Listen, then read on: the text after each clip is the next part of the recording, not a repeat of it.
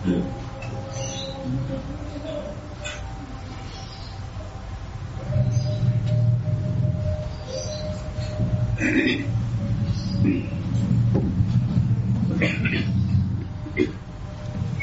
الحمد لله نحمده ونستعينه ونستغفره ونعوذ بالله من شرور أنفسنا وسيئات أعمالنا.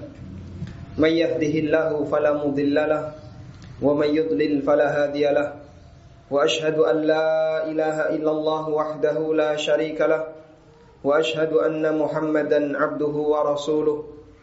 يا أيها الذين آمنوا اتقوا الله حق تقاته ولا تموتن إلا وأنتم مسلمون. يا أيها الناس اتقوا ربكم الذي خلقكم من نفس واحدة وخلق منها زوجها ومث منهما رجالا كثيرا ونساء. واتقوا الله الذي تساءلون به والأرحام. إن الله كان عليكم رقيبا. يا أيها الذين آمنوا اتقوا الله وقولوا قولا سديدا. يصلح لكم أعمالكم ويغفر لكم ذنوبكم. ومن يطع الله ورسوله فقد فاز فوزا عظيما. أما بعد فإن أصدق الحديث كتاب الله وخير الهدي هدي نبينا محمد صلى الله عليه وسلم وشر الأمور محدثاتها فإن كل محدثة بدعة وكل بدعة ضلالة وكل ضلالة في النار Hadirin jemaah Jumat yang dimuliakan Allah Subhanahu wa taala. Puji syukur layak kita haturkan kehadirat Allah. Dialah zat yang memudahkan kita untuk melaksanakan kegiatan ibadah di siang hari ini. Dan sebagaimana Allah taala memudahkan kita untuk melaksanakan Jumatan. Semoga kelak di yaumil akhir Allah Subhanahu wa taala memudahkan kita untuk meniti sirat ketika menyeberangi jahanam. Jamaah yang dimakan Allah Subhanahu wa taala. Allah menceritakan dalam Al-Quran ada beberapa sebab yang membuat manusia meremehkan tindakan maksiat. Sebab itu terutama adalah ketika muncul rasa percaya diri yang ada pada diri seorang hamba sehingga dia merasa ketika dia berbuat maksiat nantinya akan segera mendapatkan ampunan dari Allah dan kalaupun dia dihukum oleh Allah pasti hukumannya hanya sementara. Dan aktivitas seperti ini, tindakan seperti ini adalah pelanggaran yang dulu dilakukan oleh Bani Israel. Meskipun bisa jadi juga diikuti oleh sebagian kaum muslimin di kalangan umat Muhammad sallallahu alaihi wasallam. Allah bercerita di surat Al-Baqarah tentang kondisi Bani Israel. Wa qalu lan tamassana an-naru illa ayyaman ma'dudat illa ayyaman ma'dudah. Mereka mengatakan bahwa kami tidak akan tersentuh oleh neraka kecuali hanya sebentar saja. Sehingga ketika mereka sedang berbuat maksiat, mereka yakin kalau ini maksiat. Mereka tahu bahasanya perbuatan itu adalah perbuatan yang salah dan mereka merasa berat untuk mendapatkan hukuman. Tapi muncul keyakinan dalam dirinya bahwa kalaupun dia dihukum oleh Allah, pasti nantinya hanya akan sementara dan setelah itu mereka akan dimasukkan ke dalam surga.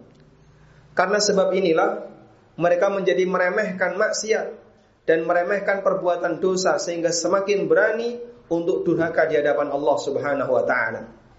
Imam As-Sa'di rahimahullah mengatakan, "Fajama'a bainal isaati wa husni dhanni bin nafsi." Orang ini mengumpulkan antara yang pertama husnudzon kepada dirinya sendiri dan yang kedua, perbuatan buruk dan maksiat yang dia kerjakan. Padahal dia kalau melihat orang lain dan menilai orang lain bisa jadi dia suudon. Tapi ketika dia melihat dirinya sendiri sedang berbuat maksiat dia husnudon. Dan itulah karakter Yahudi yang Allah sebutkan di surat Al-Baqarah ayat ayat 80. Hadirin makan Allah Subhanahu wa taala. Kita juga banyak menjumpai kondisi di lingkungan kita bahkan bisa jadi termasuk diri kita sendiri. Ketika kita sedang berbuat dosa, kita merasa kalaupun nanti dihukum oleh Allah Subhanahu wa taala, neraka itu hanya sementara dan nanti kita akan mendapatkan surganya Allah Subhanahu wa taala. Betul bahasanya mukmin, mereka tidak akan kekal di neraka. Tapi ketika ini dijadikan sebagai alasan dan motivasi untuk berbuat maksiat, ini akan bisa menyebabkan maksiat seorang hamba lebih besar dan semakin besar nilai dosanya. Waliyadzubillah. Jangan sampai karena satu perbuatan maksiat mengundang murka Allah sehingga Allah taala akan membakar kita dan menghukum kita dalam waktu yang lebih lama ketika di neraka. Ayat yang kedua yang Allah ceritakan terkait perkataan salah satu di antara atau beberapa di antara pendeta-pendeta Yahudi yang mereka menerima suap ketika menyampaikan fatwa dan memihak kepada orang yang salah. Padahal mereka adalah tokoh agama. Tapi mereka berkeyakinan toh nanti Allah akan mengampuni kita karena kita adalah para ulama, kita adalah para kiai. Allah Subhanahu wa taala bercerita di surat Al-A'raf ayat 169. Fa khalafa min ba'dihim khalfun warithul kitaba ya'khuduna 'arada hadzal adna wa yaquluna sayughfaru lana. Setelah wafatnya para nabi Bani Israel, maka muncul generasi-generasi yang punya pikiran jahat, yaitu para tokoh agama yang mereka warisul kitab, mendapatkan warisan berupa Alkitab. Artinya mereka belajar Taurat. Tahu mana yang benar, tahu mana yang salah. Ya'khuduna 'arada hadzal adna Ketika mereka jadi tokoh agama, mereka lebih memihak kepada dunia dan memanfaatkan agamanya. Sehingga dia menyampaikan fatwa tapi tidak sesuai kebenaran karena ini yang lebih menguntungkan. Mereka memihak kepada gereja karena ini lebih menguntungkan. Mereka memihak kepada orang kafir karena ini lebih menguntungkan bagi dirinya. Bahkan bisa jadi dia berharap untuk mendapatkan posisi di pemerintahan karena itu lebih menguntungkan bagi dirinya dengan mengorbankan agamanya. Ya'khuduna arada hadzal adna. Mereka mengambil bagian dunia untuk kemudian memberikan fatwa yang menyimpang. Wa yaquluna dan mereka berani mengatakan sayughfaru lana. Nanti kita akan diampuni oleh Allah.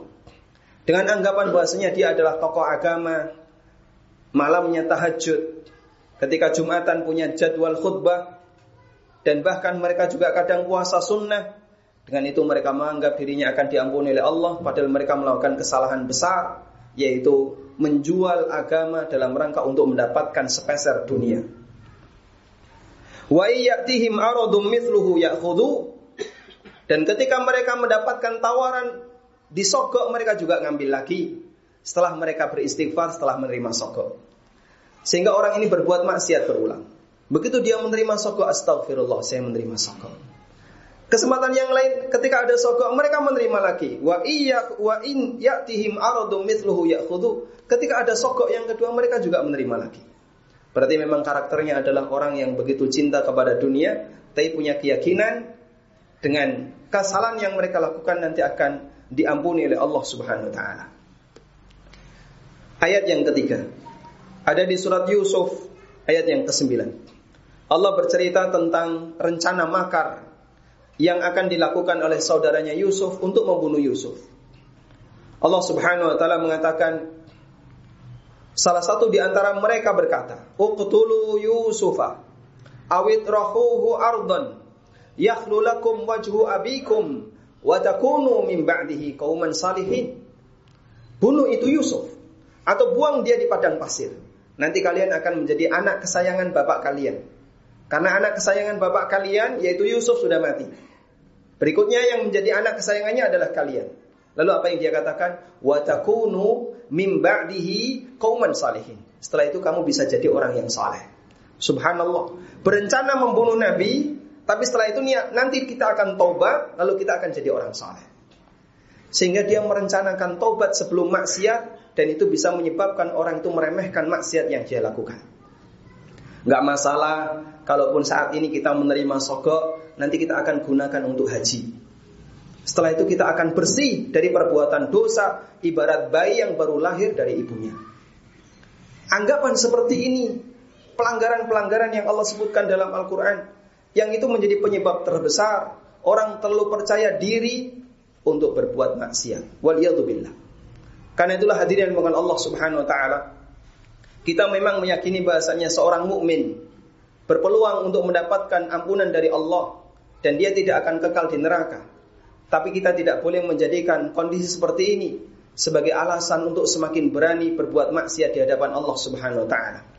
Karena ketika seorang hamba berbuat maksiat dan muncul perasaan seperti ini, bisa menjadi sebab dosanya akan semakin besar di hadapan Allah Ta'ala.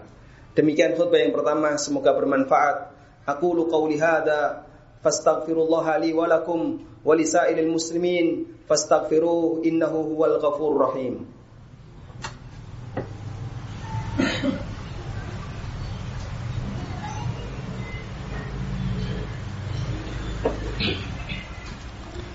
الحمد لله وكفى والصلاة والسلام على رسول المصطفى وعلى آله وصحبه ومن والاه وأشهد أن لا إله إلا الله وحده لا شريك له وأشهد أن محمدا عبده ورسوله صلى الله عليه وعلى آله وصحبه وسلم تسليما كثيرا Hadirin jemaah cuma yang dimakan Allah Subhanahu wa taala. Sering sekali kita mendengarkan sebagian di antara masyarakat kita ketika mereka bergumul dengan harta yang haram, baik bentuknya riba maupun sogok, suap dan yang lainnya. Dia sadar kalau itu haram. Dia tahu bahasanya itu terlarang. Tapi muncul motivasi dalam pribadinya. Tidak masalah untuk kali ini kamu terima. Nanti setelah itu kamu zakati dan zakat itu akan mensucikan hartamu. Betul bahasanya zakat itu mensucikan harta. Allah Subhanahu wa taala berfirman, khudh min amwalihim sadaqatan tutahhiruhum wa tuzakkihim biha. Ambillah zakat dari mereka.